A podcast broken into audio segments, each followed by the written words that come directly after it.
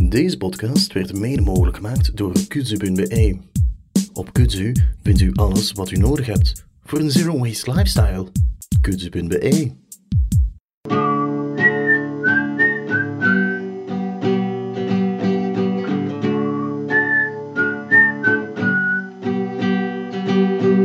Welkom bij e-Kolle. Een podcast over zero waste. Ik ben Veerle Kolle. En ik ben Christophe Kolle. En het is lang geleden dat ik dat nog een keer gezegd heb, maar ik heet dus ook Kolle omdat wij broer en zus zijn. En het is eh, nu aflevering 13. En 13 al, zeg. 13, inderdaad. En we eigenlijk het tweede jaar, ons tweede jaargang eigenlijk. Ja, we hebben zelf een vergadering al gehad. Oh, zwaar. We zijn echt professioneel aan het worden. Eh, en deze aflevering is heel mobiel. Hahaha, want het gaat over mobiliteit. ja, en voordat we echt naar het onderwerp gaan, heb ik wel wat nieuws te melden. Vooral Ja, want dat doet altijd, hè. Ja, dat doe ik altijd. Als er nieuws is, dan wil ik het wel zeggen. Zeker als het goed nieuws is. En het is goed nieuws voor de mensen in Aalst.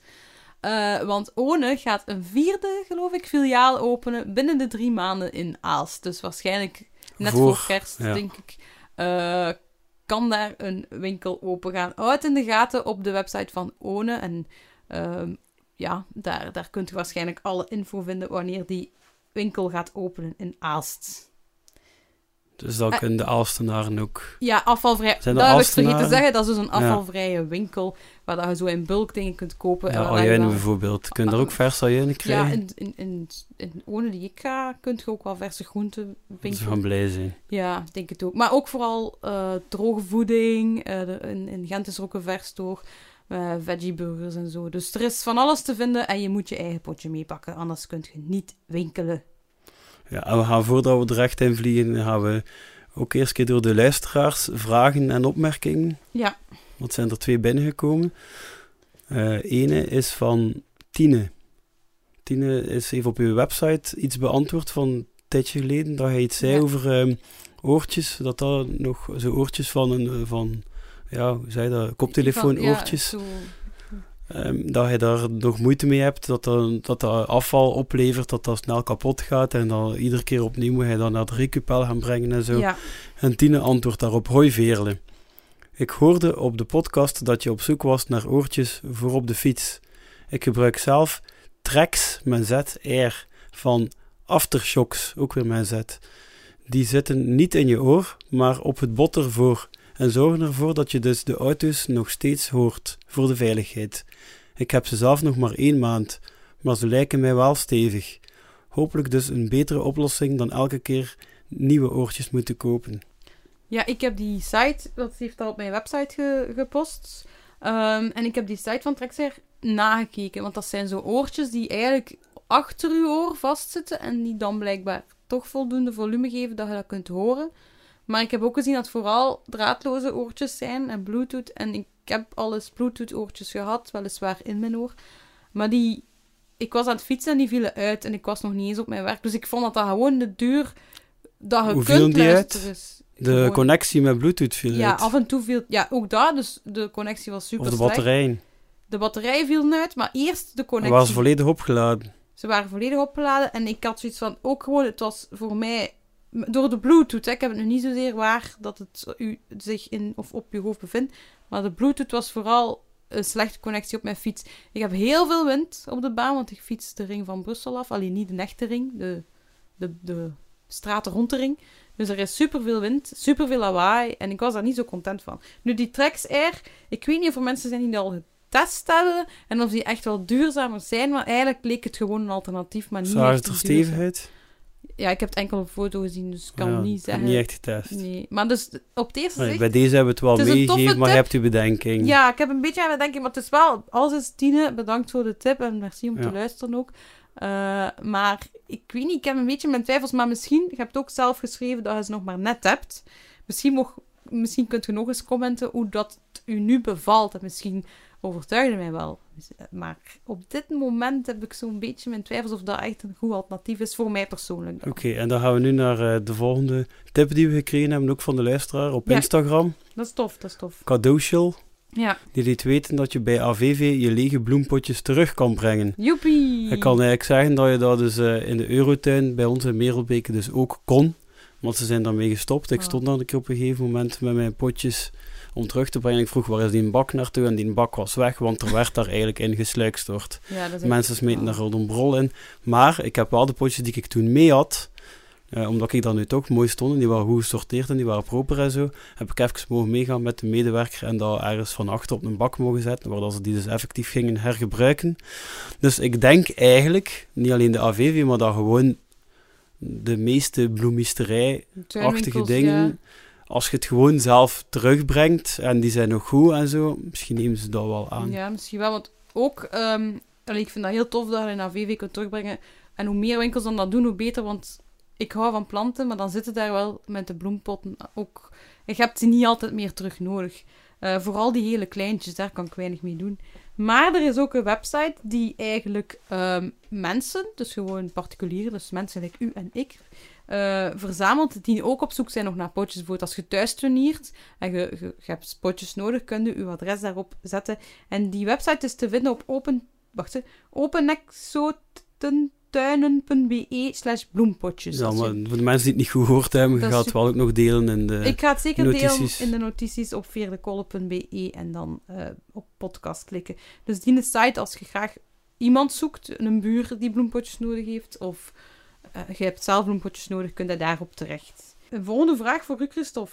de uitdaging. De uitdaging, de maandelijkse Ja, ik ga het keer uitdaging. hebben over mijn uitdaging van jullie, voordat ik nog ging over hebben. De uitdaging om niet, een hele maand niets te drinken uit een blikjes Ja, of kleine flesjes. En ook de grote plastic flessen eigenlijk vermijden. Ehm, zoveel mogelijk. Dat ging, ik- eh, dat ging ik ook proberen niet te doen, maar soms... Ja, dat ging, daar, had, daar had ik geen eh, zero tolerance op gezet. ja. En dat is dus effectief gelukt. super, proficiat. Dat was Even Dank u. Dat was eh, een van de handige uitdagingen daarvoor was dat ik echt niet mijn gezin daarmee belastte. Dat was gewoon een uitdaging voor mezelf. Ja, Ik heb er geen gekocht, ik heb er geen aangenomen. Ik, heb er geen...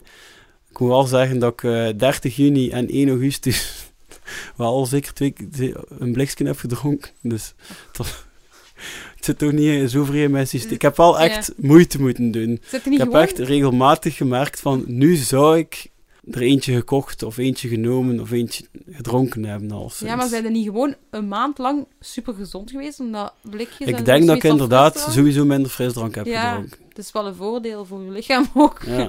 los van... Dat is het ook ding, ik denk plastic flesjes en Want ja, als ik zo onderweg ben en ik heb zo dorst, ik passeer gelijk wat waar dat ze drinken verkopen, zeker dat ze veel aanbod hebben, Ja. gelijk een supermarkt of een nachtwinkel, dan is dat zo het moment om een bepaald blikje dat ik nog nooit getest heb, op dat dan een keer te drinken. Ah ja, hij is zo in. En ja, zo ben ik Ja, ik- ik daar heb ik dus nu, ja, denk twee gelaten en dan ook zo, Mhm. als je onderweg zit je toch mijn drinkfles is leeg, of, of dat ik zo pijs, ah, toch nog een flesje water kopen, dat heb ik dus niet gedaan. Nee. En zo, ja, toch vijf à tien vermeden, denk ik. Ja. Maar ik heb ook nog iets belangrijker gedaan die maand. Ik had al in januari eigenlijk aangekondigd dat ik daar ook ging over nadenken. Bij ons op het werk wordt er water aangeboden aan de werknemers en aan bezoek en zo. Eh, anderhalf liter flessen spa, ja, bruis Plastic? en plat. plastic of... En plastic, ja. Ja. En eh, ook frisdrank, maar dat, die hou ik nu even buiten beschouwing. Ik heb samen met een collega die zich daar zo wat mee bezighoudt met eh, de bestellingen. En bij ons het water komt neer op een 140-tal flessen op een maand. Ja, dat is veel. Eh, ja, of 120 plat en 20 bruis of zoiets. Ja. En ik heb zelf het initiatief nu genomen om een keer een bedrijf te bellen die zo een waterfontein aanbiedt voor, in het, eh, ja. voor op kantoor. Bij ons op kantoor zijn we dus met 15 of 20 man. Bij, allee, niet nooit zoveel aanwezig op één dag, maar... ehm, dus ja, die is al gekomen. We hebben daar een keer alles uitgerekend, financieel natuurlijk, om voor te leggen aan het management. En ehm alleszins zal erachter gekomen dat het financiële het probleem niet zal zijn, Nee. want Ah, het wordt goedkoper. Ja. Ehm, niet veel. eh, het wordt wel goedkoper wel Ja. En zeker als we zouden groeien, wo- gaat het zeker goedkoper zijn. Ehm, eh, het grotere voordeel is wel dat we voor onze koffiemachine al een ontharder hebben moeten laten plaatsen. Nu, de, de- mijn baas heeft, eh, ja, die was lang met verlof en zo, en die heeft dat nog niet zo serieus kunnen naar kijken. Ja. Ik heb ook van de collega's, sommigen die de telefoons opnemen, gehoord dat blijkbaar dat soort bedrijven veel bellen, maar dat ze nog nooit tijd hebben gehad om die een keer serieus te nemen. Werd ergens wel in dankbaarheid afgenomen, dat ik dan een keer op mij heb genomen. Ja. Ehm, En de baas heeft- is nu bezig met, een keer, met wat tijd te geven aan de collega's om te reageren van wij staan daar voor open of wij hebben daar die bedenking bij. Nu, de meesten hebben Ja. mij wel laten weten wij, dat ze er voor open Dus staan. dat komt er waarschijnlijk door. Ja, de bedenking bij sommigen is de smaak. En ehm, Maar watersmaak, ik begrijp. het wel, die, het schijnt dat die mens als hij terugkomt, gaat hij een paar flessen mee hebben. met- als je dat door zo'n filter, want Ja. zit daar een filter die de smaak ook, dat dat niet echt naar krantjeswater Ah ja, dus je smaakt. hè. kunt proeven. En wel, eh, Ja. hij, hij zou dat kunnen meebrengen, hebben ze mij gezegd aan de telefoon. Dus dat ga ik dan wel vragen. Mhm. En een andere collega heeft wel een terechtere opmerking gemaakt. Dus dat er eh, geweten is dat bij oude gebouwen, als je lood of andere soorten metalen in je buizen hebt, Ja, dat dat niet goed is. Nee, dat dat zelf wat giftig is. Ja. En wij kunnen dan niet, de test die ze zeggen, die je doet van eh, magnetisch en van die dingen, Ja. dat kunnen wij niet doen, want wij Leg even daar, de wij test huren... uit. Leg een keer even die test uit, want niet Ja, als, u, als je thuis, als je dat voor je thuis wil weten, Ja, eh uw leidingen die binnenkomen, en u, dus tot aan uw eh, huis, ja. zou alles in orde moeten zijn om ervan te kunnen drinken. Dat is, dat is de, hoe noemen ze, Faris is dat verplicht. Ja, fijn. Maar natuurlijk de binnenleidingen tussen waar dat water binnenkomt in je huis, tot aan uw kraan, ja. ja, dat is afhankelijk van jijzelf of van stand. van- ja, hoe dat, ja. dat is in je huis. En de check kunt je doen als het loden leidingen nog zijn, dan, en je hangt daar een magneet aan, dan blijft dat niet hangen. Nee. Juist? Ja, ik denk het, want lood Ja. is niet magnetisch of heel Ja, fout? wel, als je kunt dat wat ik googlen. Ja, Ehm, maar ja, je hebt ook zo, je kunt ook in de apotheek blijkbaar iets van 20 euro kosten en dan Ja. een testje. En dan op allerlei soorten metalen die in je water zouden Ja. kunnen zitten. En al sinds één collega heeft wel een beetje al de eis gesteld van die test gaan we wel doen. ja. Want wij huren dus een, een kantoor van zo'n bedrijf die kantoren verhuurt. En wij kunnen daar niet in dat gebouw Nee, niet helemaal tot aan waar dat water binnenkomt gaan kijken. Nee. Dus ja, dat is nu bezig, dus wordt vervolgd. ja spannend. Dus dat was eh, een beetje uitgebreid over mijn ja, uitdaging. ik wil ook even kort iets zeggen. Want eh, als je zo op je werk iets teweeg brengt, dan maakt het wel ook inderdaad een grote verschil. Want je krijgt verschillende mensen mee. En ik heb ook nu... Ja, dat ehm, was voor mij wel de reden, want dan gaan we voor 140 fl- plastic flessen per maand. Die, die zouden kunnen, die dus nu net weer aangekocht zijn en daar staan te blinken. Die dan misschien binnenkort niet meer eh, Nee. de vuilbak ingaan. Wel, maar ik heb op mijn werk ook eh, de, de, de man van de, de, de IT'er, de IT'er, sorry, eh, gemotiveerd om naar Ecofond te kijken. Dan besparen 50% inkt per jaar. Dat is zo'n driverke die ervoor zorgt dat je minder inkt gebruikt. En ja, inkt is toxiek, dus ook dat, dat zijn we nu ook aan het testen op mijn werk. eh. dus af en toe belt mij een keer om dat uit te testen. Dus ik hoop dat het erdoor komt voor het hele bedrijf, want dan zijn er weer 60 mensen of 70 die eh, minder inkt verbruiken. Dat zijn zo kleine dingen eh, die toch, denk ik, een groot impact hebben. Dus als mensen thuis ook denken van... Allee, mensen die aan het luisteren zijn. Ik kan misschien iets doen op mijn werk, of ik irriteer me aan iets. Ze zitten daarom niet thuis. Hè. Nee, ze zitten misschien in een auto. Of op Hilderwerk. Ja, of op wilde werk. Maar als je u aan iets irriteert, probeer dan een keer vriendelijk aan te pakken. Of zoek gelijk Christophe al zo'n oplossing. En dan, allee, en breng het dan naar de grote basis. Misschien werkt het, misschien doen ze het. Hè. Een nee hadden, een ja kunnen krijgen. Ik stel voor dat wij overgaan naar ons echte onderwerp, Christophe. Eh, maar we gingen het hebben over mobiliteit, omdat het is september. En september dan is ook de week van mobiliteit bekend. Dan zijn de autoloze zondagen er. Dat hangt een beetje af van stad tot stad wanneer dat, dat is. Maar ehm, ik wou het inderdaad graag hebben over mobiliteit, omdat dat iets dagdagelijks is, dat op vlak van duurzaamheid ook veel discussie teweeg brengt. Ehm, ja, we hebben allemaal onze auto nodig. We, hebben ook allemaal, ja, moeten allemaal ook ons verplaatsen. Ehm, nu, we gaan het echt hebben over de dagdagelijkse verplaatsingen. Dus eh, vliegtuigen en zo, dat gaan we er niet bij nemen. Tenzij dat we dat dagdagelijks gebruikt, maar dan is dat een luxe probleem. En dan kun je ook luisteren naar onze aflevering met Zomer zonder vliegen. Dan, dan spreken we over al die vliegtuigzaken. Maar goed, ons dagelijks verkeer. Ehm Christophe, waar ga jij eigenlijk... Met wat ga je eigenlijk het liefst op weg? Want je hebt verschillende voertuigen tegenwoordig. Je hebt echt veel soorten voertuigen. Waar, waar bereid je het meest liefst mee? Of hoe verplaatst je het liefst? Ehm, ja, dat is natuurlijk een beetje afhankelijk wat voor verplaatsing en zo. Maar echt Maar gewoon de- dat je zegt van... Dat is Ja. met het minste stress. Het algemeen. Dan denk ik dat het mijn plooifiets is. ja? Ja. En Want dan weet ik, eh, als het nodig is, kan ik op de trein stappen. Ja, dan moet ik er niet extra voor betalen. Is dat? maar ah, nee, voor rijdt de ook- fiets niet. Nee, Nee. voor de plooifiets niet. En nee. eh, Ja. ja, en door als ik door de stad rijd, dan kan ik daar goed mee manoeuvreren. Ik vind dat is zo klein en dat is zo, Ja. ja, dat, dat beweegt gemaakt. Natuurlijk, als ik bijvoorbeeld ja, een paar kilometer langs het water moet fietsen, is dat niet geestig. Nee, hè, dat want dan heb ik liever onze elektrische fiets. Ja, die heb ik nu ook gezien. Ja. Eh, maar ja, dat, als ik dan weer denk aan zorgen en zo, want die moet ik goed op, ja, bij een elektrische fiets, als je die op slot zet, dan Ja, pijzen het ook weer direct, wel, ze kunnen dat pieken, ze kunnen die batterij pieken, ze kunnen, dat is dan ook weer stress. En, Ja, ja, ik heb, dat- we hebben natuurlijk, we rijden met een, eh, een gezinswagen, ja. maar dat is zeker niet mijn favoriet, eh, in de auto zitten en rijden, is zeker niet mijn favoriet ding. Nee. Eh, ja, behalve als je zo s'avonds van een concert komt en naar huis rijdt, dat is nog wel nagenieten. Dat vind ik leuk. Oei, dan word ik moe. ik zou dan moe zijn. En... Zo, ja, zo in de late avond over de de straat rijden. Ja, Vind, als het niet te lang is, vind ik Dat niet onaangenaam. Met dan een podcast op of een, ja. of een goede cd. Ja, dat is... Dus eh, dat is, eh weet je, dan qua openbaar vervoer ding. Ik heb zo al de Eurostar genomen naar Londen. Vonden dat wel wijs. Was dat dan rustig? Ik vond dat wel meevallen. Ja. Ja, ik kan geluk gehad hebben. Hè. Ja. Ja, want ik heb ook al met de Flixbus gereden. Zo- dat is niet mijn favoriet. eh ja, het is wel goedkoop. Ja, Dus- dat is waar. Amai, dus je gaat eigenlijk wel veel... Het hangt er een beetje vanaf naar waar. Ja, het tuurlijk. maar Ja, je favoriete transport, precies wat ja. onderweg. Ja, ik moest ook even nadenken. Ja, op welke manier zij het Ja. liefst onderweg? En als je dan, want je vroeg mij om de focus op dat het stressloos is. Hè? Ja. Ja, ik heb nu zelf met een auto heb ik wel geluk met mijn route huis, werk. mhm. Dat dat meevalt van qua zo. stress. Ja. Ja, Voor mij is dat... Qua mijn werk, helaas... eh, ik ga het liefst met de fiets, omdat ik dan mijn hoofd wel kan leegmaken. Zeker voor, voor en van het werk.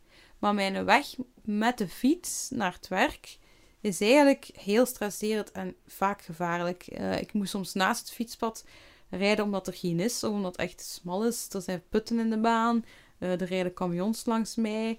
Dus ik ben regelmatig bang op de baan, op de fiets. Nu, in een auto ben ik ook bang. Ik ben vrij gestrest. Ik wil alleen, liefst alleen rijden als ik in een auto zit, omdat ik... ehm, ja, ik moet mij kunnen focussen. Ik ben heel rap afgeleid. Ik ben zo'n dromer. En in een auto droom ik nogal rap weg.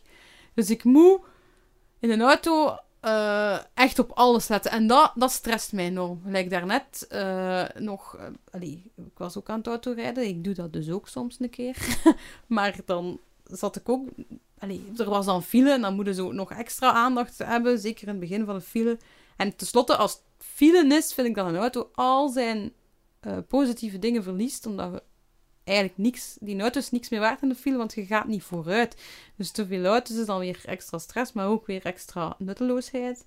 Ehm, in de trein zit ik eigenlijk graag, omdat ik dan kan lezen of iets doen. En dat vind ik leuk. Ik moet niet zelf rijden, dus nog met de fiets, nog met een auto. Maar het probleem met de trein is dat, er daar, daarmee dat ik dat vroeg van die... ehm allee, de Eurostar, hè, of zo. En als je lang moet rijden op de trein en je zit in een wagon en er zijn mensen aan het babbelen, dan kan ik mij niet concentreren op mijn boekje of val ik niet in slaap. En ik zit regelmatig in de trein en dat is misschien zielig, maar ik zit soms gewoon in dat, in dat hangpad van de eerste klas waar het een tapijtje is, puur omdat ik het dan rust heb. En ik vind het heel jammer dat er in België nog altijd geen stiltewagons zijn, omdat ik echt gewoon... Dat, Ja, in Nederland is het dan. ja, hè. maar dus, je, je betaalt zelf in de eerste klas is het niet altijd stil. Hè? Ik heb al een keer in de eerste klas mogen zitten.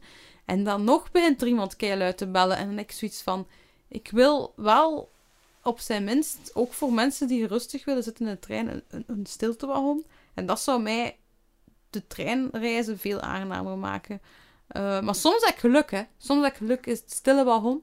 Dus ik stap ook altijd laatst op een trein in plaats van eerst. Dan weet ik al waar dat welke luide mensen zitten. En dan kan ik mij rustig zetten. Ja, op dat heb Dus- ik dan wel per als ik met een trein van Ja. mijn werk kom. Ja, ik kan, dus, ik kan dus zowel met de elektrische fiets als met de trein als met de auto naar het werk Ja, ik kan niet met de trein naar het werk. Ja, voor mij zijn dat drie opties.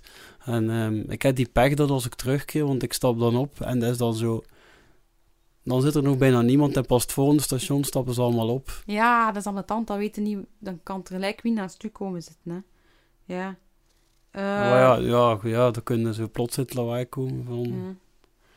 Ja, ik kan ook... niet wilt. Ehm, met mijn, naar mijn werk kan ik ook met de bus, maar dan ben ik echt mega lang onderweg. Want in de rand van Brussel zijn we eigenlijk vier keer zo lang onderweg met het openbaar vervoer als met de auto.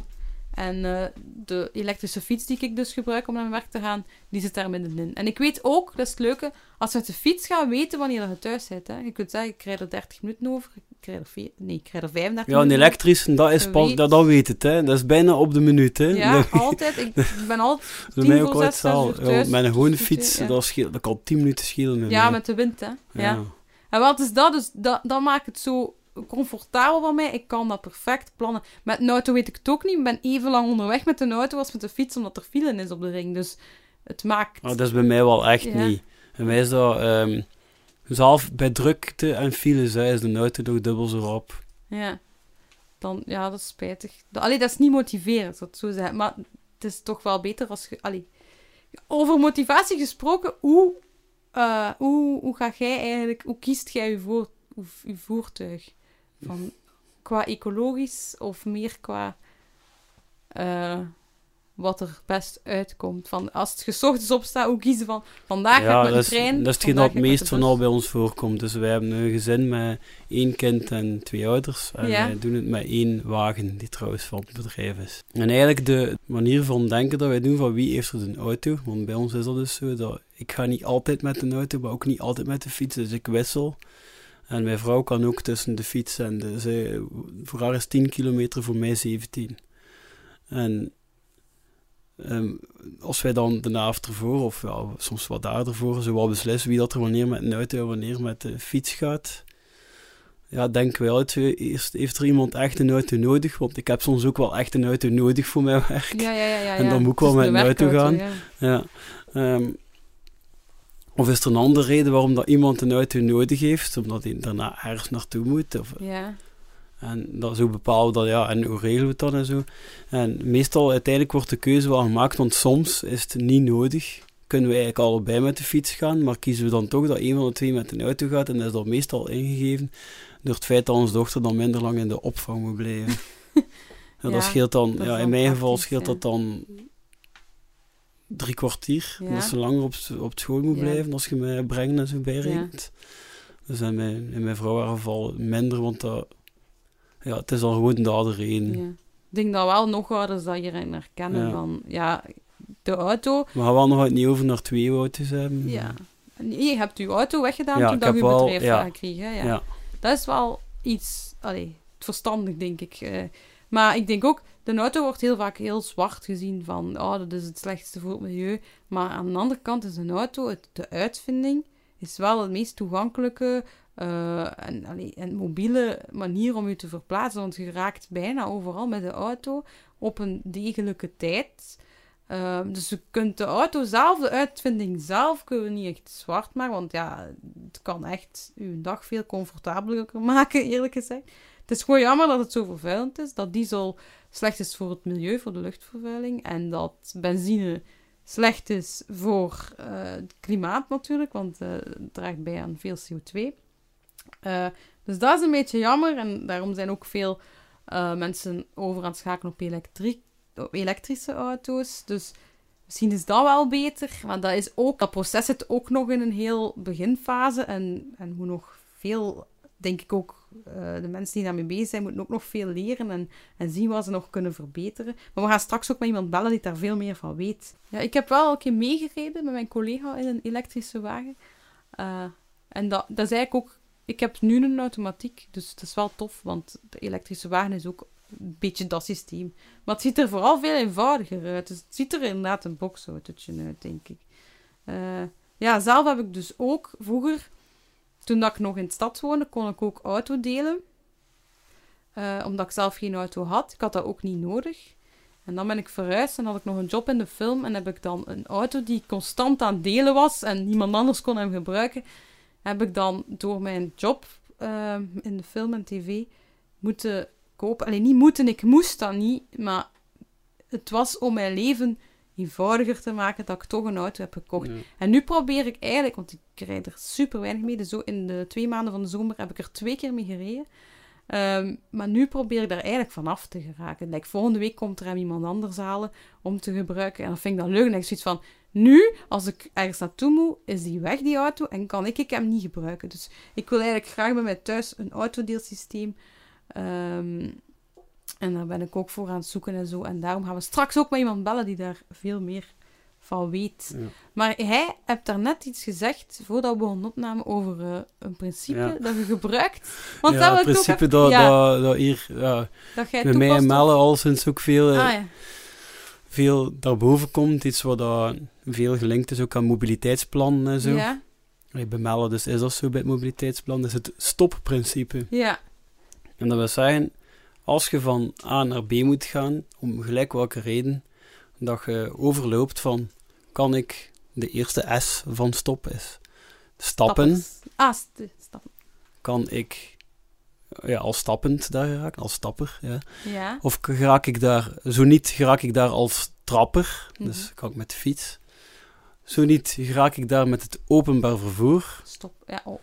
Lukt allemaal niet, oké, dan neem ik maar de personenwagen. Ja, En, en veel dorpskernen en ja, stadskernen en zo zijn nu veel bezig met te zorgen dat ze ook op die, ja, qua prioriteiten, ehm, ja, om het zo in te richten dat de personenwagens altijd op die andere drie zoveel mogelijk moeten wachten en dan pas mogen zij door. ja.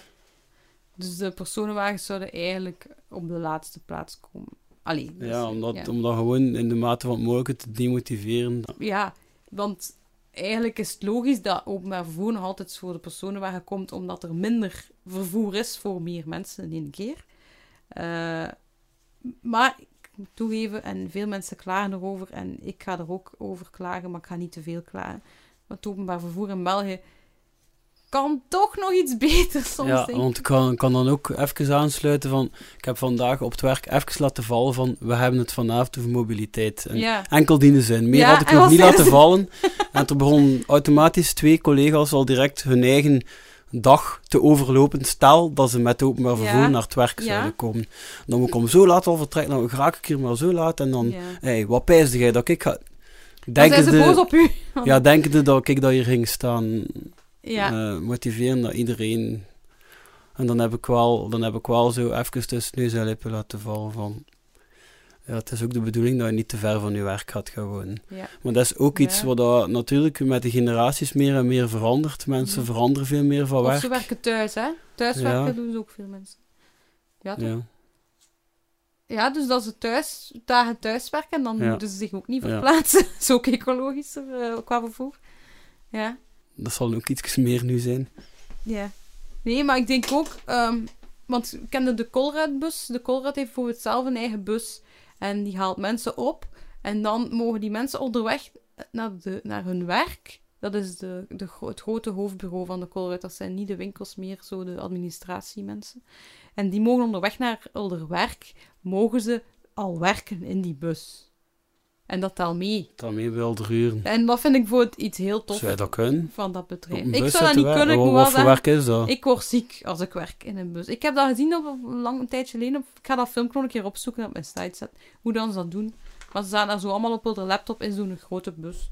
Nu, dat is een manier om als werkgever, maar niet elk bedrijf kan dat, denk ik, uw, uw mensen te motiveren om de bus te pakken. Want die mensen mogen dan ook iets vroeger naar huis, snapte? Die zijn, willen er uren, werkuren stoppen als ze thuis zijn. Dus dat is eigenlijk wel grappig.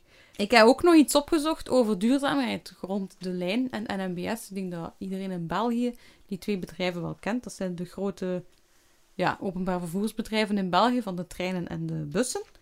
En ehm, ik, ik was aan het zoeken van, ja, die zijn dus duurzamer dan de wagen, omdat ze meer mensen kunnen vervoeren in één keer. En bijvoorbeeld de trein, je hebt wel sporen, maar je hebt geen mega brede baan dat je moet leggen. Dus je moet al minder natuur wegpakken. Maar zijn zij ook bewuster bezig? Zijn zij ook groener bezig? Zijn zij ook rekening aan het houden met circulaire economie? Dus dat hun treinen zelf en alles wat ze daarin gebruiken ook terug hergebruikt wordt.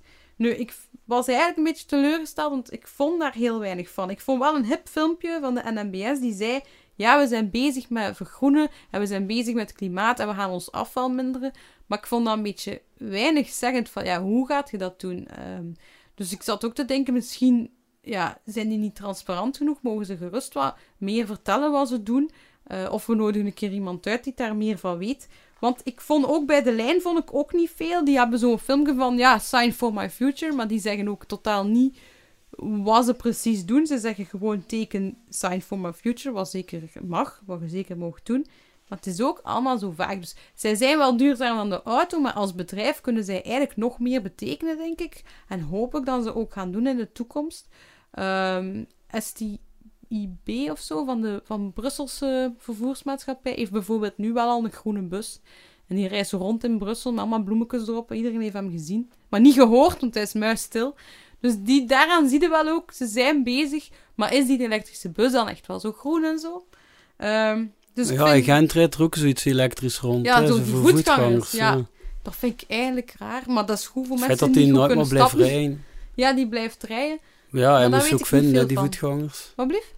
Hij moet die voetgangers ook vinden. Hè. Hij kan moeilijk op één plaats staan, want dan moeten ze allemaal naar daar. Ja, dat is waar.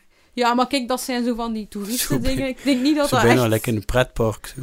Ja, het, begint wordt een pretpark. Nu ja, een andere manier van um, openbaar vervoer zou bijvoorbeeld zijn dat we... Allee, dat er veel meer uh, auto's gedeeld worden eigenlijk. Dat is eigenlijk geen openbaar vervoer, maar op een duur kunnen zeggen van ik kan de bus niet nemen, want ik ben zo, like uw collega, hè, die moest super vroeg opstaan. Maar misschien kan die wel een auto delen, dus met iemand anders, want dan moeten er minder auto's gemaakt worden. En dan wordt er al minder geproduceerd en dat is al beter voor het milieu en het klimaat. Um, en er zijn tegenwoordig, dat zit in de, in, allez, dat zit in de lift, dus er zijn tegenwoordig steeds meer autodeelbedrijven. Um, en daar zijn er verschillende soorten van. Je hebt er van particulieren, gelijk Degage in Gent, en die zitten ook al op andere plaatsen, waar dat je zelf je auto die van u is, kunt laten delen door mensen die geen auto hebben. Allemaal met een goed systeem en een site. Wat doet Degage dan voor u? Degage die heeft eigenlijk, die, de verzekering is in orde, dus je betaalt wel lidgeld en zo. Uh, je kunt bij die vergaderingen zijn ook en zo. Um, maar, dus ik zit daarbij eigenlijk nog altijd. Uh, maar de auto's zijn nog altijd van de mensen zelf, hè. Maar voor de mensen zelf die de auto uitlenen, hoe meer dat er met je auto gereden wordt, hoe minder voor de verzekering dat hij moet betalen. Want die mensen betalen eigenlijk mee aan uw verzekering. En die gage daar betaalde enkel per kilometer en niet per uur dat je hem nog eens huurt. Het is wel duurder per kilometer, maar het is ideaal bijvoorbeeld als je lang een auto nodig hebt die een tijdje moet stilstaan. Ja, het is wel waar dat er worden zodanig veel auto's gekocht dat je gewoon ziet dat er overal meer en meer auto's geparkeerd staan. Ja, en, ja. en de meeste auto's staan stil. Nee, het kan, ja, het is, iedereen gebruikt hem op hetzelfde uur. Hè. Ja, spijtig. Maar het is daarom dat ook veel autodeelsystemen willen vooral auto's laten rijden in plaats van laten stilstaan. En dus je hebt ook de website bijvoorbeeld uh, Caramigo, daar kun je zonder systeem, maar kun je ook gewoon uw auto opzetten. En ja, iemand anders die op die site komt, kan hem ook bijvoorbeeld huren. Dat is dan echt zonder echt um, een heel autodeelsysteem, maar je kunt wel uw auto ter beschikking stellen. En een van de autodeelsystemen die mij heel veel heeft aangesproken en waarover dat ik ook straks met iemand ga bellen, um, is Partago. En waarom? Omdat die eigenlijk Um, die willen, die zetten duurzaamheid echt op één. En die willen, die streven naar een circulaire economie. Ze zijn op weg, ze zijn nog niet bezig. Allee, ze zijn wel bezig al, maar het is nog niet volledig circulair. Maar zij willen vooral auto's van de baan. En uh, zij zijn ook een coöperatie. Dus uh, daardoor kunnen zij eigenlijk, doordat de burger ook spraak heeft, inspraak heeft, uh, kunnen zij veel duurzamer gaan en daar veel meer op nadenken. En zij kiezen onder andere ook nog eens voor elektrische wagens. Alleen maar elektrische wagens. Uh, ik vind dat heel uh, toekomstgericht eigenlijk. Ik stel voor dat we eens gaan bellen met Lucie Evers. Want zij is de voorzitter van Partago. En ze noemt zichzelf trouwens Eco-Bitch. En social entrepreneur en business mother. En ze werkt aan vele andere duurzame projecten trouwens. Je moet daar maar eens googlen. We gaan eens vragen aan haar waarom Partago zo duurzaam is. Dag Lucie. Dag Vele. Ik heb jou gekozen um, om te interviewen omdat je heel veel weet van autodeelsystemen en ook coöperaties. Ehm, en er zijn meerdere autodeelsystemen en voor iedereen is er wel wat. Ehm, maar Partago is dus een coöperatie. Wat betekent dat eigenlijk? Een coöperatie, eigenlijk is dat makkelijkst uit te leggen met een one-liner in het Engels. It's for the people, through the people, by the people. Het is van de mensen, het is voor de mensen en het is door de mensen. Dus dat betekent eigenlijk een coöperatie, en in ons geval een burgercoöperatie voor elektrische autodelen. Dat betekent dat alle klanten ook mee-eigenaar zijn van het bedrijf. Hoe gaat dat? Een coöperatie heeft aandelen en iedereen die wil klant worden bij Partago, wordt ook lid van Partago. En lid worden van Partago betekent dat je twee aandelen koopt. En die aandelen die krijg je op het, uiteinde, op het einde van je gebruik of na x aantal jaar, kan je die aandelen nominaal, dat wil zeggen exact hetzelfde bedrag, krijg je dan terug. Voilà, dat is het. Dus dat betekent eigenlijk dat een deel van het bedrijf, van een coöperatie, is geen VZ2, dat is echt een bedrijf. Maar een deel van het bedrijf gefinancierd is door de centjes van de burgers zelf. Dus ze zijn klant, ze zijn mede-eigenaar van het bedrijf, maar ze hebben ook via de algemene vergadering zeggingsrecht. Dus het is ook een democratische controle. Een coöperatie bestaat uit een team en een raad van bestuur, net zoals een bedrijf. En dat ik als voorzitter samen met het team en samen met het bestuur de meeste beslissingen neem. En inderdaad, om de zoveel tijd, één keer per jaar meestal, komt er dan een algemene vergadering en dan wordt er controle uitgeoefend je weet dat je een verantwoordelijkheid hebt, uh, maar was je er al van in het begin bij en wat was je rol dan bij het opstarten? Hoe ging dat eigenlijk? Partago is ontstaan uit burgers aan de keukentafel. Daar komt het in feite op neer. Namelijk een aantal mensen die elkaar los van elkaar eigenlijk al het idee hadden. En dan bij elkaar geraakt zijn door omstandigheden, maar ook door marktonderzoek, maar via IMEC, maar ook door andere omstandigheden. Enfin, uh, ik zit sowieso in veel netwerken. En door in veel netwerken te zijn, was ik wel altijd aan het uitkijken naar nieuwe ecologische oplossingen. Want ik ben natuurlijk bezig met duurzaam leven en duurzame oplossingen verzinnen. En, um, en ik heb op die manier Joachim Jacob ontmoet. En hij is de echte bedenker van Partago. En uiteindelijk hebben we veel keer samengezeten, ook nog met andere mensen. En uiteindelijk zijn we met vijf mensen tot het besluit gekomen dat we er gewoon moesten aan beginnen. En dat is toch wel heel belangrijk. Dat je op een zeker moment als burger niet alleen zegt, het zou toch moeten kunnen dat. Of men zou moeten maken dat. Of men moet voorzien dat. Die men, dat zijn wij zelf, wij de burgers. En wat is nodig voor die burger om het te gaan doen? Een goed idee, iemand met iets of wat economische kennis, dat ben ik dan. En in dit geval iemand met kennis van coöperatie. Dat is uh, zeer mooi gezegd eigenlijk. Um, maar ik ga het nu terug over de auto's hebben van Partago, want uh, onze aflevering gaat over mobiliteit. En um, Partago koos echt voor elektrische wagens. En um, hoe zit dat precies, elektrische wagens? Rijden die dan bijvoorbeeld op groene elektriciteit of Sporen jullie dat aan? Wij kiezen voor het volledig elektrificeren van de auto's. Dus wij rijden 100% elektrisch. Dat heeft heel veel argumenten. Uh, het eerste argument is natuurlijk de meest eenvoudige. Je rijdt op een ongelooflijke zen-manier heel rustig. Twee, je, je stoot geen plaatselijke uitstoot. Je hebt dus nul uitstoot, minstens plaatselijk. En drie, het is ongelooflijk stil, maar niet te stil, want tot 30 per uur zit er zelfs een piepje in om de fietsers te waarschuwen. Ik wil maar zeggen, het comfort van elektrisch rijden is ongelooflijk veel beter dan het ouderwetse verbrandingsmotor rijden. Dat is gewoon zo. Dus dat is nog los van alle andere wereldse argumenten. Gewoon, het is lekker om te doen. Dat is het eerste. Het tweede um, waarom we kozen voor elektrisch, is natuurlijk dat we elektrisch rijden verbinden aan hernieuwbare energie. Nu kan je zeggen, er is geen hernieuwbare energie voor de elektrische wagen. Dat klopt niet helemaal. Het is eigenlijk omgekeerd. De elektrische wagen past in het verhaal van het overschakelen naar hernieuwbare energie. En waarom? Omdat die auto's niet alleen auto's zijn waarmee je verplaatst, maar ook batterijen op wielen zijn waar je voorlopig energie kunt in opslaan zonder heel veel transferverlies.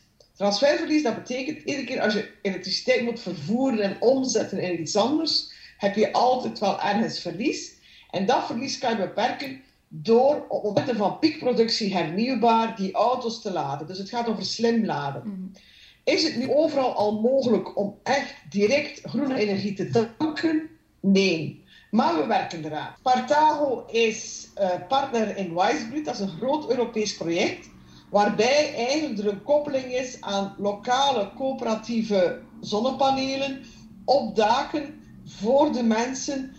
En om te kunnen stabiliseren, dat wil zeggen om ervoor te zorgen dat de energie, als die er is, echt wordt opgeslaan. Maar ook dat de echte groene energie teruggegeven wordt aan de huishoudens.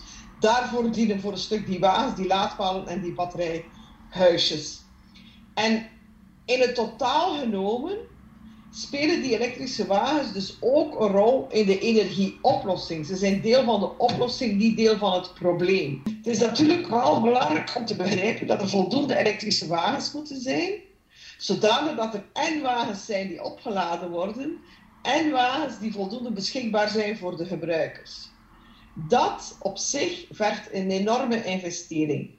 En het is aan de burgers om Partago te blijven mogelijk maken en die investering te blijven mogelijk maken. Stel dat ik, waar dat ik woon, want daar is Partago niet, hier rijden geen Partago-auto's. Als ik dan bijvoorbeeld co coöperant word, of eh, lid dus, uh, heb ik daar dan ook iets aan? Of is dat dan ook echt, zoals gezegd, voor jullie om mee te groeien en dat ik daar dan mee zeggenschap in heb of mee kan beslissen? Ja. ja.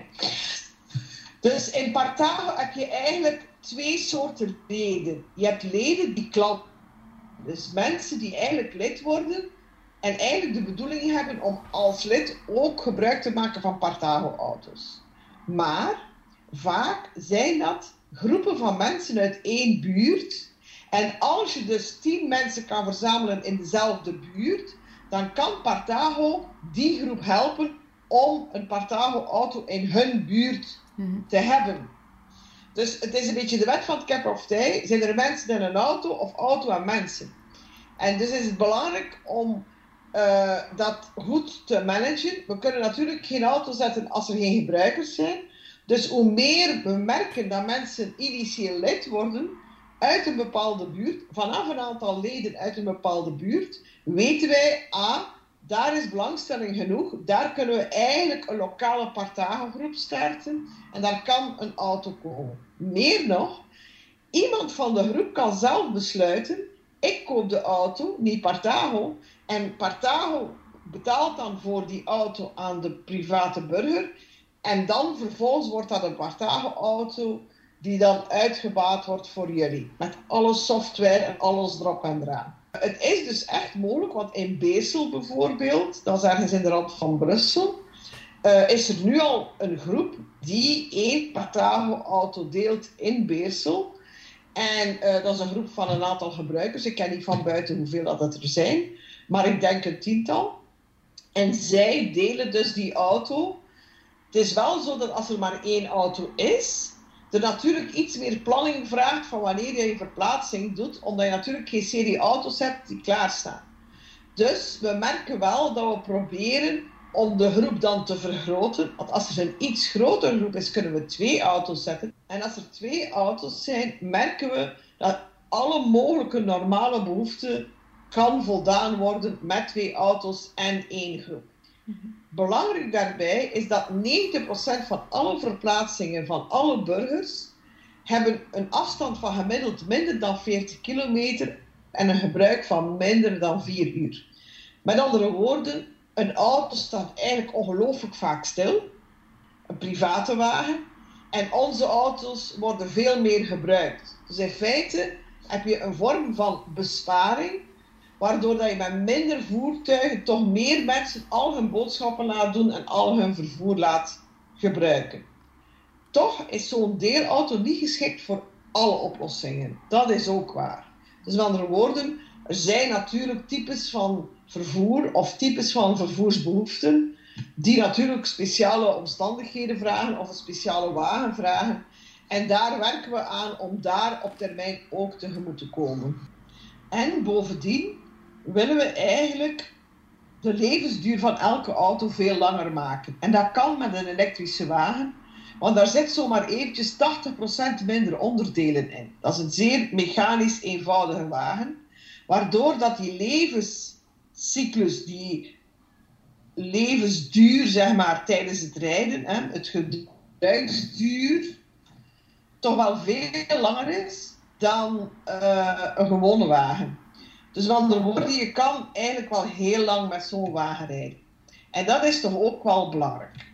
Bovenal die zijn van een aantal type wagens de batterijen aanpasbaar. Wat betekent dat je eigenlijk kan blijven rijden met 80, 90% van je auto en alleen de batterij vervangen wordt. Dus dat is ook weer zoiets wat levensduurverlengend werkt. En waardoor dat je niet Zoals in veel toestellen waar een batterij in zit, waarbij het hele toestel naar, in de vuilbak keilt, net omdat de batterij op is en je die niet vindt of wat dan ook. Dus dat is niet zo. En een van de grote droomscenario's, ik ben een commoner, een van de grote droomscenario's is natuurlijk dat we komen tot een decentraal geproduceerde, collectief gebouwde auto die overal kan geassembleerd worden enzovoort. Dat is een heel mooie droom, maar dat is natuurlijk nu niet realistisch. Maar binnen de huidige realiteit is het natuurlijk wel waar dat we door veel te gaan elektrische autodelen kunnen wegen op de markt en steeds meer kunnen eisen van jongens, als wij willen blijven elektrische auto rijden, gaan jullie moeite moeten doen om de herkomst van al jullie onderdelen beter in kaart te brengen. Laten we daarmee beginnen. Oké, en um, ook over duurzaamheid, want je zegt de auto's gaan langer mee en zo. En allee, je werkt aan een, een, heel duurzaam plan. Maar stel, die auto's worden gebruikt door verschillende mensen. Gaan mensen ook, um, omdat het niet van hen is, maar eigenlijk ook wel, maar kan het niet zijn dat die auto's dan sneller beschadigd worden binnenin of zo? Dat er minder zorg wordt voorgedragen? Dus uh, heel veel mensen zeggen: ja, het is uw auto niet, dus je gaat er niet voor zorgen. Niets is minder waar. Het is zo dat een aantal autodeelprojecten of autodeelbedrijven hebben natuurlijk klanten, maar die klanten hebben, zij voelen zich niet verbonden met de wagens. En dat heet free rider behavior. Hmm. Dat is dus eigenlijk gedrag van free rider. We gebruiken het, we zorgen er niet voor enzovoort. Nu bij Partago is dat heel anders omdat je echt verbonden voelt met de organisatie. We zijn ook echt een community. En wat blijkt, dat community vormen rond autodelen heel belangrijk is voor de leefbaarheid van een autodeler. Zowel economisch als sociaal, als qua beschadigingen van de auto's. Dus het is gewoon belangrijk dat mensen een verband zien tussen de auto's, het gebruik van de auto's en de coöperatie waartoe ze behoren. En um voor de mensen thuis die aan het luisteren zijn en graag willen weten waar dat je eigenlijk al Partago wagens beschikbaar hebt, kunt je dat even opsommen? Waar? Ah ja. ja. Dus op de website van Partago, www.partago.be, daar vind je eigenlijk een live kaart waar allemaal auto's staan. Uh, naast Gent, de zuidrand van Antwerpen en Leuven, staan we ook nog in verschillende kleinere gemeentes. Hoe komt dat? Omdat wij werken op vraag. Dus als er voldoende vraag is, dan komt er een Partago-auto. Dus wij zijn niet een bedrijf dat zegt, we gaan eens 300 auto's in de stad zetten en dan een campagne doen en dan maar hopen dat we klanten vinden. Dat is een push marketing heet dat. Wij zijn een pull marketing. Dat betekent dat wij eigenlijk peilen naar de signalen uit de markt, uit, van de burgers, om te komen tot autodelen en auto's op plaatsen waar ze gaan gebruikt worden. Dat is belangrijk. En, uh, maar wij staan dus ook in kleine gemeentes. En vaak is dat een samenwerking met die gemeentes. Dus dat is ook belangrijk dat er namelijk een laadpaal is en een parkeerplaats waar die auto dan kan staan en geladen worden enzovoort. Dus het is echt belangrijk als je dat wilt doen, dat je naar je gemeente stapt, dat je dat als bewoners uit, zodanig dat je in samenwerking met, niet vanuit de gemeente, maar in samenwerking met de gemeente, kan werken aan de komst van een Partago-auto in uw gemeente of dorp. Ja, ik vind het ook tof dat we over die push en pull begint. Uh, aangezien dat in Brussel en Antwerpen en nog steden zijn er onlangs heel veel stapjes gewoon gepusht geweest, denk ik. Uh, en eigenlijk dus zo'n systeem, dat hebben we hier... Ik maak dat hier live mee bijna werkt duidelijk niet, want de stepjes liggen in het water. Die worden echt niet, daar wordt geen zorg voor gedragen. Dus het is eigenlijk wel mooi en duurzaam om ook uh, ja, eco economisch gewijs na te denken van we gaan het pas doen als er een vraag is. En niet zomaar van hier, gebruik maar. Dus eigenlijk vind ik dat wel uh, mooi dat je dat zegt. Maar wat vinden zelf eigenlijk van die steps en van de andere... Zijn er nog andere autodeelsystemen die ook echt uh, push zijn? Of... Ja, dus om te beginnen, er zijn een aantal autodeelsystemen die werkelijk zeer opdringerig zijn en waarvan we weten dat ze niet eens de bedoeling hebben om als autodeelsysteem te blijven bestaan, maar gebruikt worden om een overschot aan productie van auto's, want er worden veel te veel auto's gemaakt volgens wat er verkocht wordt. En dat dus bepaalde merken een autodeelsysteem hebben opgezet om hun eigen merk in het straatbeeld te houden en te promoten bij jongeren. Want jongeren willen autodelen, maar men hoopt eigenlijk dat die jongeren een gezin gaan vormen en dan van dat merk die auto gaan kopen. Dus in die zin is dat uh, helemaal niet gericht op het verminderen van wagens of ecologische resultaten boeken of wat dan ook. Hetzelfde geldt voor sommige deelsystemen die te maken hebben met fietsen, steps en andere vervoersmiddelen. Maar niet allemaal. Want er zijn ook echt fietsdeelsystemen die wel duurzaam zijn. En wat is het verschil? Het verschil is vaak tussen free float. Free float is we zetten overal auto's, we leggen overal steps, we zetten overal fietsen en gebruik ze maar en na gebruik laat je ze terug achter. Er is dus geen verband tussen de fiets en de plek waar je die fiets hebt gevonden slash terug moet brengen. Daarom zijn wij niet free float. Wij gaan niet zeggen, neem een auto, rij naar uh, de rand van de stad en laat dat maar achter.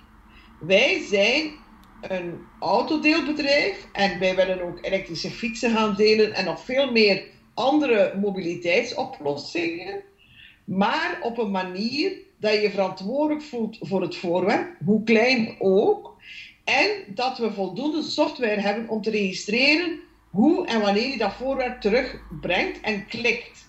Vandaar dat er fietsdeelsystemen zijn met fietsenrekken waar je moet klikken. En dat is heel belangrijk. Ik moet eerlijk toegeven, in het begin was ik fan van al die uh, hoe noem je dat? Float? Of hoe, hoe noemde je het? Dat? Free float. Free float. Daar was ik in het begin stiekem fan van. Ik vond dat heel wijs. Van, oh, ik kan overal een fiets in Brussel pakken. Van Uber is dat dan. Maar um, nu dat ik ook zie wat er na een paar maanden gebeurt, heb ik ook zoiets van, nee, geef mij maar een fiets zoals dat van Vilo of zo, of van die Antwerpse eh, fietsjes, die inderdaad ook vasthangen. En net als bij auto's ook is misschien ook, er moeten daar gewoon meer regels rond zijn om het echt duurzaam te houden. Ik moet nog één iets zeggen. Wat, wat ook heel belangrijk is bij sommige mobiliteitsoplossingen, is dat de voorwerpen zelf niet duurzaam gemaakt zijn. Ik bedoel daarmee, die stepjes hebben in een verhuursysteem of in een deelsysteem, hebben die een levensduur van wel geteld maximum zes maanden. Hmm. Nu, de materiaalinput, om dat allemaal te produceren, te vervoeren en te doen, de, de indirecte energiegebruik van één zo'n voorwerp is zo groot dat dat natuurlijk niet in verhouding staat tot een paar kilometers dat dat uh, gebruikt is geweest geworden gedurende die periode. Dus ook daar moeten we opletten dat we toch nadenken. En daarom vind ik het belangrijk om altijd stil te staan bij elke oplossing in de duurzaamheid van de materialen, de duurzaamheid van het gebruik en past het op een of andere manier in het stopprincipe. Nu is het wel zo dat zelfs Partago-auto's op dit moment eigenlijk toegevoegd worden aan het bestaand wagenpark. Dus nemen wij onmiddellijk auto's weg? Nee. Maar het is een uitdoolscenario.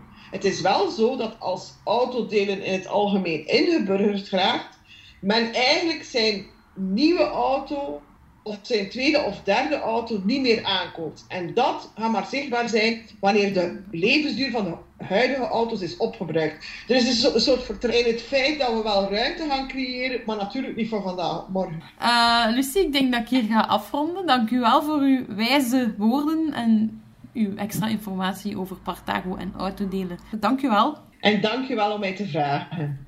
Tot ziens. Tot ziens. Lucie Evers is nog steeds met een heleboel andere duurzame projecten bezig. Als je meer van haar wilt te weten komen, kunt u terecht op haar blog. Dat is eco-bitch.blogspot.com. Of voeg haar toe als vriend op Facebook of LinkedIn. Ze houdt van heel veel vrienden. Uh, je schrijft haar naam Lucie met een C en I-E Evers. Um, als je op zoek bent naar hulp voor ja, een ecologisch project of je wil, zet een start-up en je wilt dat zo duurzaam mogelijk maken, dan is zij er om u te helpen. Als je meer info wilt over Partago of je wilt met je buren graag een infoavond organiseren, kunt u terecht op partago.be. Ja, Christophe, we hebben daar wel wat zwarte dingen gehoord. Hè? Uh, termen als free float en free rider behavior. Ik had daar eigenlijk ook nog niet bij stilgestaan dat zo die deelsteps in Brussel, dat dat eigenlijk... Ik heb dat wel al gezien dat dat aan het mislopen is, maar dat dat inderdaad de reden is dat die niet op een vaste plek komen te staan, dat dat een van de redenen is dat het zo slecht loopt en dat het niet zo duurzaam is. Uh, dus denk daar wel anders over na nu. Uh... Ja, ik moet ook denken, maar ik weet niet of ik dat zo negatief vind, dat nu ook al grote merken zelf aan het inzetten zijn op autodelen. Ja, daarover had ze het ook even. Ja, maar dat, dat wijst er toch op dat ook zij, ja, ook al proberen ze het niet echt op een handjuiste manier erin te integreren, dat wijst erop dat toch ook zij daar de toekomst in zien. dat ze daar de, ook op de kar willen zijn, stel dat, de, dat die kar goed vertrekt. Ja, want ik denk dat in de toekomst, als een auto zelf rijdt, als hem zelf naar u kan rijden, dat dat een nieuwe soort... Dat is heel toekomstgericht, hè, maar dat dat taxis worden, ja, dat dat niet meer nodig is om een te bezitten als je ja, gelijk een Wally is van die... een auto aan mijn deur. Wat? Ja, een Wall-E, die film. Ja, ja. Dus ja. van die skateboards waar dat op ligt, dat er gewoon zo... Voem. Ja, dat, um, dat heb ik nog niet gezien in de film. ja, ik vond dat niet zo'n toffe film. Het was blijkbaar niet goed voor de lijn. Ja, oké. Okay. Uh, wat ze ook zegt, is zo over dat spaargeld. Ik vind dat ook interessant voor de mensen die aan het luisteren zijn en die dan zo zin hebben om wat te beleggen of zo. Uh, veel mensen zijn zo aan het zagen over taxen en, en, en dat sparen niks oplevert. Maar inderdaad, als je geld stilstaat, kunt er misschien toch beter iets mee doen. En ik vind het wel mooi dat je bijvoorbeeld iets als Partago, een duurzaam project dat echt toekomstgericht werkt, dat je daar eigenlijk je geld in kunt investeren. Zelfs zonder dat je echt met een auto kunt rijden, maar dat je toch wel deel uitmaakt van een, een, een geen bedrijf, maar een coöperatie. Dus um, ja, dat, dat, dat is wel interessanter dan je geld gewoon stil te laten staan, denk ik. Um, en eigenlijk je hebt dan bijvoorbeeld de mensen die bij Partago zitten, hebben geen eigen wagen meer. Maar toch eigenlijk wel, want ze hebben aandelen. Dus toch eigenlijk zijn die wagens allemaal van Hulder. Dat vind ik wel mooi van. Dat is echt delen. Uh, en ja, de type van wagens zijn nog niet helemaal, helemaal circulair, maar ze gaan wel naar een circulaire economie. En, en een circulaire economie is eigenlijk wel zero waste. Dat alle stoffen, alle dingen die gebruikt worden voor uw project en voor uw, uh, ja, uw product ook, dat dat terug hergebruikt gaat worden, dan zijn we wel bij zero waste mobiliteit. Dat is nog niet nu, maar ik denk wel dat dat in de toekomst hopelijk kan gebeuren. En dat Partago wel op weg naar is. Christophe, hebt jij ook een, uh, een gedachte daarover? Ja, er zijn er ook bij ons in de buurt daarmee bezig. Ja. En dat zijn zojuist ja, veel mensen dat ik zo wat goed ken. Want ik denk, ja, ik, ik mag het de eerste termijn totaal niet uitdelen. Nee, dat want dat staat inderdaad ook veel stil. Want wat ik niet vermeld heb, bijvoorbeeld van de zomer, is dat dan wel een paar keer gelukt om, allee, dat, dat we beiden met de fiets naar het werk gingen en zo. Hij kan daar al. Um, ja, ik denk ik ook dat als ik ze allemaal zie geparkeerd staan, dat dat, dat de toekomst is, dat dat, dat, dat meer gedeeld wordt door te, ja, omdat dat, dat rijdt op het moment dat je niet erin zit en dat dat iemand anders gebruikt. Maar anderzijds heb ik ook zo, want ja, ons zus Nele en ik woonden dus in dezelfde straat en we hebben hem tegelijk verbouwd. Ja. En voordat we eraan begonnen, was ook het plan van, ja, we kunnen onze beide verbouwingen zo wat, ja, goed doordacht aanpakken en dat we veel materiaal geen twee keer moeten kopen, Ja. veel niet. Eh, een van de dingen die we wel al snel hebben ge- gedaan, was van, we gaan niet zo wat in commune dingen gaan aankopen. Eén iemand koopt iets aan en dat mag dan door beide gebruikt worden. Een Mhm. ander koopt iets aan, dan mag dat ook door beide gebruikt worden. We gaan nooit ja, dingen voor ons beiden aankopen en dan... Ja, dat leidt tot, tot spel van, van ja, hij zorgt er niet goed voor en zo. ja, dus dat en- is niet goed geregeld dan. Allee, dat En- allee. ja, dat denk ik, ja, dat, ze spreken tegen, hè. Maar dat denk ik dan ook zo, van, ja, je zegt, ik stap dan in een auto en dan dit dan in zitten en roken of zo. En Mm. ja, al dat soort dingen denk ik dan wel, dat ik daar ook moeilijk vind. Met al die, ja. Dat is nu toch al zo'n beetje in onze cultuur gekomen van, uw auto, dat is toch ook een beetje gij van u. Dat is uw, de- voor veel mensen is dat ook al een beetje nulder. Privékamer, tweede- ja. een- Ja, een ofwel er- kamer, ja. Of de werkkamer bijna, omdat Ja. mensen die veel Ja, moeten bellen bijvoorbeeld en die veel onderweg zijn tegelijk. En, en dat is zo, ja, toch ook een beetje een eigen plek. Ehm, ja, en al die camionetten dan, van, van al die schijnwerkers, die gaan dan niet uitdelen. En al, daar zit al, ja, dat is al een helft. Ja, ja, die gaan dan niet En ja, Dat ze zei ook het ook, hè, er is veel specifiek. Ja, ze kunnen Ja. niet alles al doen. En inderdaad, als... Nou, ik denk niet, denk niet dat dat ooit ook, dat werkbaar is, dat boeren allemaal, dat, dat er zo één tractor staat, hè, en zo één Maar boeren Boeren delen wel bepaalde bepaalde dingen wel. grote machines. Maar ik ben geen boer, maar er, er zijn wel... Ja. Boeren weet ik dat ze de duurdere machines wel soms delen. Maar ja... Ja. Maar ik snap het, want het is, het, het is een systeem dat volledig eh, waterdicht moet zijn. In de zin van, er moeten duidelijke afspraken zijn. En in een ideale wereld lukt dat. En eh, bij Partago is er dan die app die dat eigenlijk zorgt dat dat handig gedaan wordt bij Mhm. die gages, die site en die vergaderingen en die regels die je moet ondertekenen echt.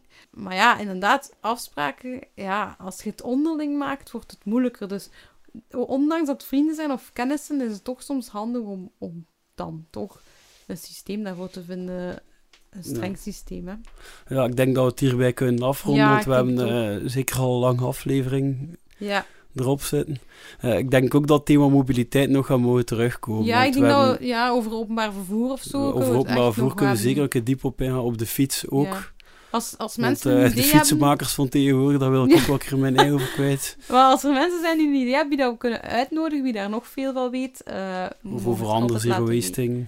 Of als je iemand kent die interesse heeft in autodelen, deel deze aflevering. Misschien kunnen we hem wel iets meer vertellen. En deel onze podcast maar verder in Ja. zijn hele... Ja, mag zeker.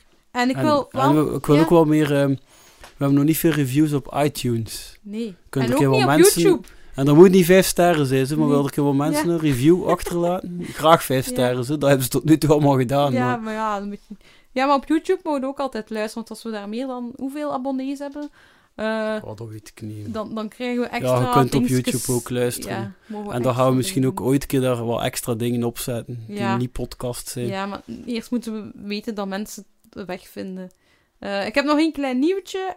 Echt, eh, over ongeveer een dikke maand komt mijn boek uit. Zero Waste Kalender. Ja, en ik heb hem al gepre-ordered. Ja, en als je pre-ordert, dan moogt je naar de boekvoorstelling komen. Ik ga daar niet meer van zeggen, want dan weet je, als je een pre-order zet op mijn website, Ik denk niet dat er ballonnen gaan hangen. er gaan zeker geen ballon hangen.